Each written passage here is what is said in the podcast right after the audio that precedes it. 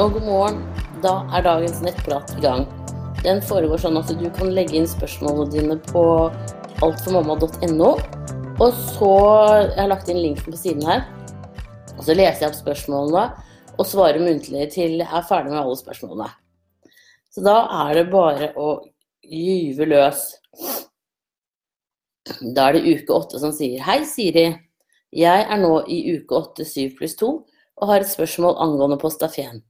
Jeg er mer eller mindre kvalm hele dagen. Det blir bedre når jeg har spist, og vært verre hvis jeg er sulten. Har ikke kastet opp og håper det fortsetter sånn. Men mitt spørsmål er, i dag testet jeg å ta på stafén og ble mye bedre form enn jeg har vært på lenge. Orket å gå turer, trene litt og fikk bedre matlyst, så fikk i meg ordentlig med mat. Blir også veldig nedfor av å være i så dårlig form hele tiden. Jeg blir jo fristet til å ta på stafén nå for å føle meg i bedre form, og kunne nyte hverdagen bedre samt ha mer energi til jobb og skolearbeid. Kunne nyte julen litt osv. Men mitt spørsmål er hva er best for barna, at jeg tar Postafén og har det generelt bedre, rører på meg osv., eller at jeg unngår Postafén og tar det med ro, sitter i sofaen og prøver å spise konstant for å holde kvalmen borte. Jeg er jo tross alt ikke like dårlig som visse. Når jeg ikke tar dem, blir jeg veldig låst hjemme og sitter mest i sofaen for å ta det med ro. Hvor farlig er Postafén for barnet? Burde jeg tenke på noe i forhold til hvor ofte jeg tar det. Hvordan anbefaler du å gjøre hvis det er sånn at jeg kan ta det Burde jeg ta det til uke tolv da, eller slutte med det tidligere? Ja, vet du hva, dette her er egentlig eh, et legespørsmål, og, men, men, jeg kan si på sånn generell basis at Postafen skal ikke være skadelig for babyen din. Men det du kan gjøre, det er også stille spørsmålet inne på tryggmammamedisin.no. Der sitter det både farmasøyter og leger og svarer. Um, og der ligger det også en del besvarte spørsmål allerede. Og jeg tenker jo som så at det som kan få deg til å fungere litt, få i deg mat, um, holde deg litt i aktivitet, det er jo av det bedre. Og på en måte holde kroppen litt i gang. Og ikke minst også for det psykiske sin del. Man blir fryktelig deppa av å ligge og være kvalm hele tiden. Det er det ingen tvil om. Så jeg tenker jo som så at Postafen er en ypperlig løsning for de som trenger det. Eh, og noen ganger så må man på en måte veie opp det at man tar legemidler mot at man er fryktelig plaga. Men for å være på den helt sikre siden, eh, og for å få et godt svar, så syns jeg du skal spørre på tryggmammamedisin.no. Og så foregår det også nå en undersøkelse på en kvalmestudie, som de kaller det, eh, på Universitetet i Oslo, som det ligger reklame for inne på Alt for mamma. Eh, jeg vil absolutt oppfordre deg å delta der, for det hjelper de farmasøytene som holder på med den studien, til å få gode data på, på gravide, og data som er tilpasset gravide. Så har du muligheten til det, så bli gjerne med i den studien. Det er til senere gravides eh, glede, får vi vel si. Men som sagt, eh, vi satser på at du um, holder deg blir kvalmefri sånn i uke 12-13 en gang. Det måtte jo vært helt ypperlig. Um, og så får du nyte jula imens. Ha det riktig bra, og tusen takk for at du følger meg her. Ha det! Og så er det gravid og 24 år. Hei, jeg skal på tidlig ultralyd denne uken. Kommer til å være i uke 8 da. Går mest for at graviditeten var uplanlagt og vil si at det er noe der. Har masse symptomer og mange positive tester, men tenkte det kunne være greit likevel. Men jeg lurer på, hva kan jeg forvente Vet du hva, Der har nok du hatt en autokorrektur på mobilen din, for det står 'firventilsteknikk' med da hvordan foregår en tidlig ultralyd, hva kan de se, osv. Eh, jeg er 24 år, førstegangsgravid og kan ikke så mye om dette. Takk for svar.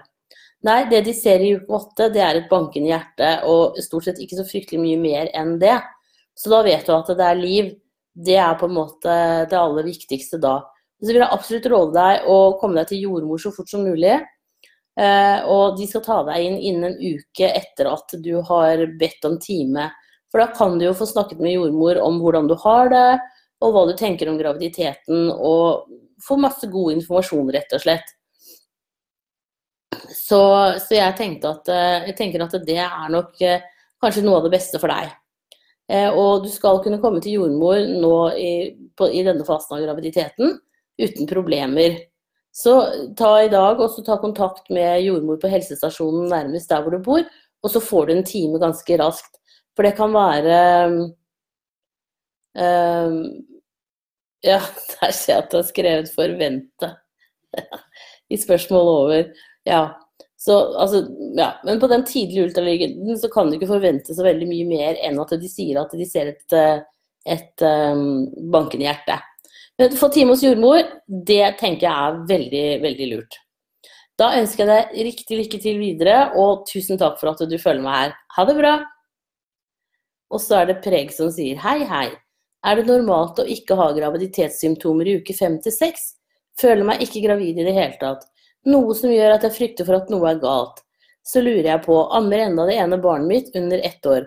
Burde jeg fortsette å amme frem til neste fødsel, eller trappe ned? Han er syv måneder i morgen. Mm, det er ganske vanlig å ikke ha så mye graviditetssymptomer når du har vært gravid en gang tidligere. Um, pluss at det kan variere veldig fra graviditet til graviditet. Men det at du fortsatt ammer og sånn også, gjør jo at på en måte kroppen din er i litt sånn slags gravidemodus. Uh, så jeg tenker at det også har en sammenheng. Det er bare å fortsette å amme så lenge du orker og så lenge han vil. Jeg vil tippe at han holder vel noen måneder til, og så er det over. Men det går også fint an å amme to barn samtidig.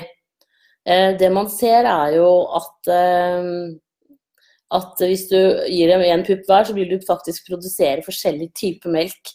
Eh, det er ganske fascinerende. De har sett det på tvillingamstudier, hvor de har liksom en fast pupp til hvert barn. Og da produseres det forskjellig melk ut ifra hva det barnet trenger. Um, men nå kan du jo se, det er jo ikke sikkert at, at, det, at du blir en sånn dobbeltdammer. Men skulle du bli det, så går det også helt fint. Så det er ikke noe problem. Uh, og du trenger ikke å frykte for at noe er galt, selv om du har lite graviditetssymptomer. Det er jo bare en fordel, tenker jeg, uh, at, at liksom kroppen ikke tar helt av denne gangen. du er ikke noe mindre gravid for det om. Da ønsker jeg deg riktig, riktig lykke til videre, og tusen takk for at du følger meg her. Ha det bra! Jeg er akkurat litt forkjøla. Det har dere sikkert hørt, så jeg må bare drikke litt te her. Man blir liksom litt tørr i halsen. Skal vi se. Og så er det syk som sier Hei, Siri. Jeg er i uke 37 og har fått en skikkelig virusinfeksjon. Har vært syk hele uka med vondt i kroppen, feber, vond i hals og hoste. Feberen har gitt seg i dag, men er fortsatt kun sengeliggende. Har ikke klart å spise så mye, bare litt suppe og grøt. Har en sånn infeksjon noen påvirkning på babyen i magen, eller er det bare meg det går utover? Og gjør det noe at jeg har spist såpass lite? Og i dag tidlig våknet jeg ved å føle en smerte helt nederst i magen på høyre side. Da jeg trykket inn der, så gjorde det ganske vondt. Smerten har vært der hele dagen, men nå kjenner jeg det kun om jeg presser der, eller om jeg snur meg raskt. Lurer på om den, det er den konstante hosten min som har resultert i det, eller om det kan være noe gravidrelatert. Tusen takk for svar, og super side. Tusen takk for at du liker siden, det er veldig hyggelig å høre. Eh, det er deg det i hovedsak går utover når du får en såpass saftig eh, Antagelig så har du sikkert fått en muligens influensaen. Eh, da må man jo på en måte bare ta Paracet når feberen blir høy, og, og ta det med ro. Um, men det skal ikke gå utover barnet på noe vis. Det er liksom deg Eh, det er ille for. Og det med den smerten nederst i magen på høyre side, det at den har gått over, tenker jeg da er det helt greit. Det kan være at du er litt treg i magen fordi du har spist lite, eh, og at du på en måte får litt sånn ekstra gass i tarmen. Og det er jo også sånn som kan flytte på seg etter hvert. Eller det kan være sånn som du sier, at du hoster såpass mye at de ligamentene som holder eh, livmoren på plass, får seg en ekstra strekk. Men så lenge det forsvinner, så tenker jeg da er det innafor normalen og ikke noe å være noe veldig redd for. Um, så um, jeg tenker at dette her, det går helt fint. Men jeg ønsker deg riktig lykke til videre og god bedring fortsatt. Og ta vitaminer nå, sånn at du får fylt opp jern og mineraler og, og alt igjen, siden du har spist litt lite den siste uka. Da ønsker jeg deg riktig god dag videre. Ha det bra. Og så er det graviditetssymptomer som sier Hei, jeg har et spørsmål til deg angående graviditetssymptomer. Jeg er ifølge terminkalkulator 5 pluss 5 på vei, nå etter at jeg tidligere i år har, hatt en SA og en MA. Ved SA hadde jeg ingen symptomer før, kroppen startet på abortprosessen selv i uke 7. Ved MA hadde jeg masse symptomer, ømme pupper, kvalm etc. Og ble veldig sjokkert at tidlig ultralyd i uke 9 viste et dødt foster som hadde sluttet å utvikle seg i uke 5. Har et barn fra før og hadde under svangerskapet med henne også mange symptomer tidlig. Spørsmålet mitt er hvor vanlig er det å ha veldig ulike symptomer fra graviditet til graviditet, og er manglende symptomer tegn på at det mest sannsynlig blir en SA? Har vært hos lege og målt HCG sist uke, som er stigende, men jeg har hatt småblødninger, spotting, helt siden jeg skulle ha hatt mensen. Fortsetter likevel å tenke positivt. Takk for svar. Um, det er veldig vanlig å ha ulike symptomer fra graviditet til graviditet. Uh, og særlig når du har vært gravid tidligere, så er det heller ikke alltid at det liksom klinker til med sånne knallsterke symptomer. Så her er det bare å, å, å Jeg tenker at så lenge du ikke begynner å blø, uh, så er det, er det, helt greit. Uh, og så tenker jeg at uh, du også bør få en ultralyd rundt uke slutten av uke seks, begynnelsen av uke syv, hvor man eventuelt kan se et hjerte som slår, siden du har hatt to aborter det siste året. Uh, så det kan legen din eller jordmora henvise deg til. Så, så det syns jeg du skal få bestilt også. Og det at HCG er stigende er jo veldig positivt, da. Det er absolutt i din favør, vil jeg si. Det at du har hatt småblødninger og spotting, det, det er også sånn som kan skje. Eh, du kan ha vært gravid med flerlinger, og så ordner kroppen opp sånn at du sitter igjen med én. Um, og det kan også være litt lavt progesteron. Men um, Så det er ikke så lett å si. Så neste gang når du er hos legen, så kan du jo eventuelt også uh, måle progesteronnivåene. Men jeg tenker at sånn, i utgangspunktet så er det superbra det du gjør. Det å tenke positivt, det er det aller, aller, aller viktigste. Da ønsker jeg deg riktig lykke til videre, og tusen takk for at du følger meg her. Ha det bra! Og så er det eggløsning som sier Hei, Siri. Vi prøver på nummer to. Jeg har eggløsning i dag. Hadde samleie ca. 4,5-5 dager før eggløsningen. Har ikke hatt mulighet til å ta sex flere ganger denne syklusen, da mannen er på reise.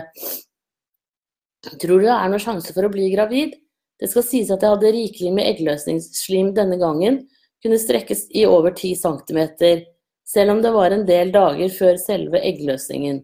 I går, dagen før eggløsningen, begynte jeg å få sår hals og feberfølelse. Har vært litt verre i dag, selv om jeg ikke har feber. Kan dette minske sjansen for å bli gravid? Gjør det noe å ta Paracet under eggløsning og eventuelt tidlig i graviditeten? Tusen takk for at du finnes, Siri. Ja, veldig hyggelig å kunne hjelpe til litt. Jeg tenker at eh, hvis du har sår hals og feberfølelse, så bør du holde deg hjemme fra jobben. Det er liksom det aller, aller viktigste du gjør. Og får du feber over 38, så bør du ta Paracet. Eh, og litt Paracet, det går helt fint. Men det er det der at hvis man blir eh, gnafsende på Paracet i mange dager, jeg tror det er over 14 dager, da, da kan det faktisk, lurer man på, være skadelig for fosteret. Ehm, men eh, det, det, kan du ta og google, for det ligger noen artikler ute på. Eh, men det er klart at hvis mannen din har veldig spreke sædceller, så, så, er det en mulighet for å, å, bli gravid. Det er det ingen tvil om. Jeg tror egentlig ikke at en forkjølelse nødvendigvis har eh, negativ effekt. Ehm, så jeg har aldri hørt om det, i hvert fall. Så her er det håp. Så her er det bare å krysse fingrene og hold deg i senga og bli frisk. Eh, nå når du er gravid, så, blir, så er slimhinnene allerede litt sånn eh, hovne. Eller når du kanskje er gravid, da. og det gjør at man lettere blir syk lengre. Det er en liten ulempe der. Så da ønsker jeg deg riktig god bedring, og tvi-tvi får jeg vel si. Ha det bra! Og så er det Julie-baby som sier Hei, Siri. Før jeg ble gravid, bestilte jeg en ukestur til Alpene for å kjøre snowboard. Reiser når jeg er 16 pluss 4 og blir en uke.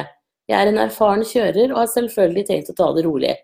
Legen mente det burde gå greit, men virket ikke helt som om han hadde så mye erfaring med graviditeter. Maks høyde er ca. 2000 meter over havet. Lurer på om det kan bli problemer med høyden, og så lurer jeg på hvor mye mindre beskyttet fosteret er i forhold til første trimester. Har lest flere steder at det er trygt i første trimester. Hadde du anbefalt å ikke reise? Takk for en kjempefin side. Tusen takk for at du liker siden, det er hyggelig å høre. Eh, jeg tenker at du bare kan dra, men jeg tok også googlet spørsmålet ditt eh, før jeg svarte her i dag. For jeg vet at det med høy, høyde over havet, det er en faktor. Og det har med surstoffopptak å gjøre. Så det beste artikkelen jeg fant, var den fra Babysenter som jeg limte inn linken til. Um, og da er det sånn rundt 2500 meter at grensen går. Og det de skriver i den artikkelen, det er at når du begynner å bli skikkelig tungpusten, så er jo det fordi at eh, surstoffopptaket er dårligere. Og da kan det påvirke babyen også. Nå skal det sies at så tidlig i graviditeten så tåler faktisk babyen eh, dårlig, eh, bedre dårlig surstoff. Eh, men det er ikke noe å utsette seg for, sånn, for det om. Så når du sier at du skal på 2000 meter over havet, så er, så er det innafor. Og ta det med ro, sånn som du sier, så tenker jeg det burde gå helt fint. Eh, babyen ligger relativt beskyttet inni bekkenet frem til uke ja, 12-13. Um, ehm, og i uke 16 så er den ikke så godt beskyttet, men allikevel. Det skal veldig mye til eh, for at et fall skal skade den på noe vis, altså. Så, men gjør sånn som du tenker. Ta det med ro. Uh, og, og, ikke liksom kjør de verste løypene. Men kos deg masse. Så tenker jeg at Alpene er helt innafor det, altså. Det høres deilig ut. Så da ønsker jeg deg en riktig god tur, og tusen takk for at du følger med her. Ha det bra!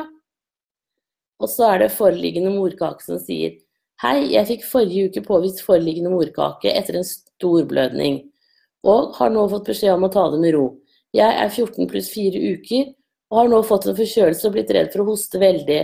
Og da tenker jeg spesielt på at dette er slitsomt for magen. Kan det påvirke morkaka, eller i verste fall forårsake at den løsner? Jeg er blitt veldig redd for at noe skal gå galt. Nei, det er vanskelig å si. Jeg tror jo egentlig ikke det. Um, men det du kan gjøre, er jo å uh, gå på apoteket og få tak i hostedempende uh, hostesaft, uh, sånn for sikkerhets skyld. Og så kan du også drikke varmt vann med honning, ingefær og sitron. Eh, ha gjerne liksom en god teskje oppi en kopp, sånn at du får smørt halsen ordentlig. For da hoster du ikke like lett. Og det er ikke noe farlig for gravide å spise honning. Det er for barn under ett år at det er farlig. Så jeg tenker at eh, eh, prøv når du hoster også, ikke la alt trøkket liksom gå nedover. Eh, men eh, ellers det burde gå fint, det altså. Men jeg, jeg skjønner bekymringen din. Eh, det er ikke noe enkelt eh, sånn sett. Ehm, det som går an, er jo alternativt Hvis du skulle begynne å hoste veldig, veldig, så tenker jeg at da kan du dra til legen og høre om det fins noe andre alternative hostesafter. Men prøv nå i første omgang hostesaft på apoteket, som er greit for gravide å ta. Ehm, jeg husker ikke hva de heter i farten, men det vet eh, farmasøytene på apoteket.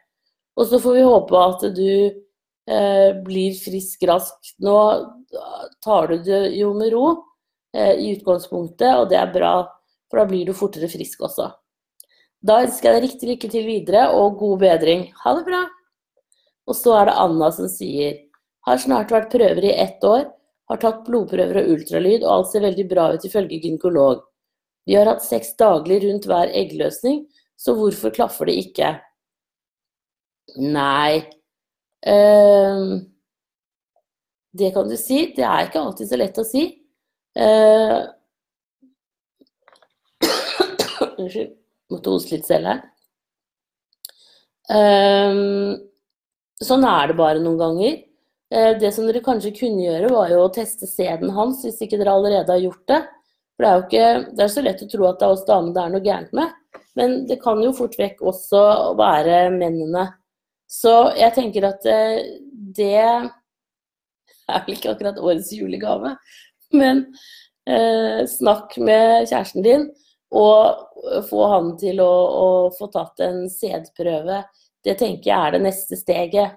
Ellers så er det også sånn at det er helt normalt at det tar inntil ett år før man blir gravid. Eh, og det er også sånn at man blir lettere gravid om våren.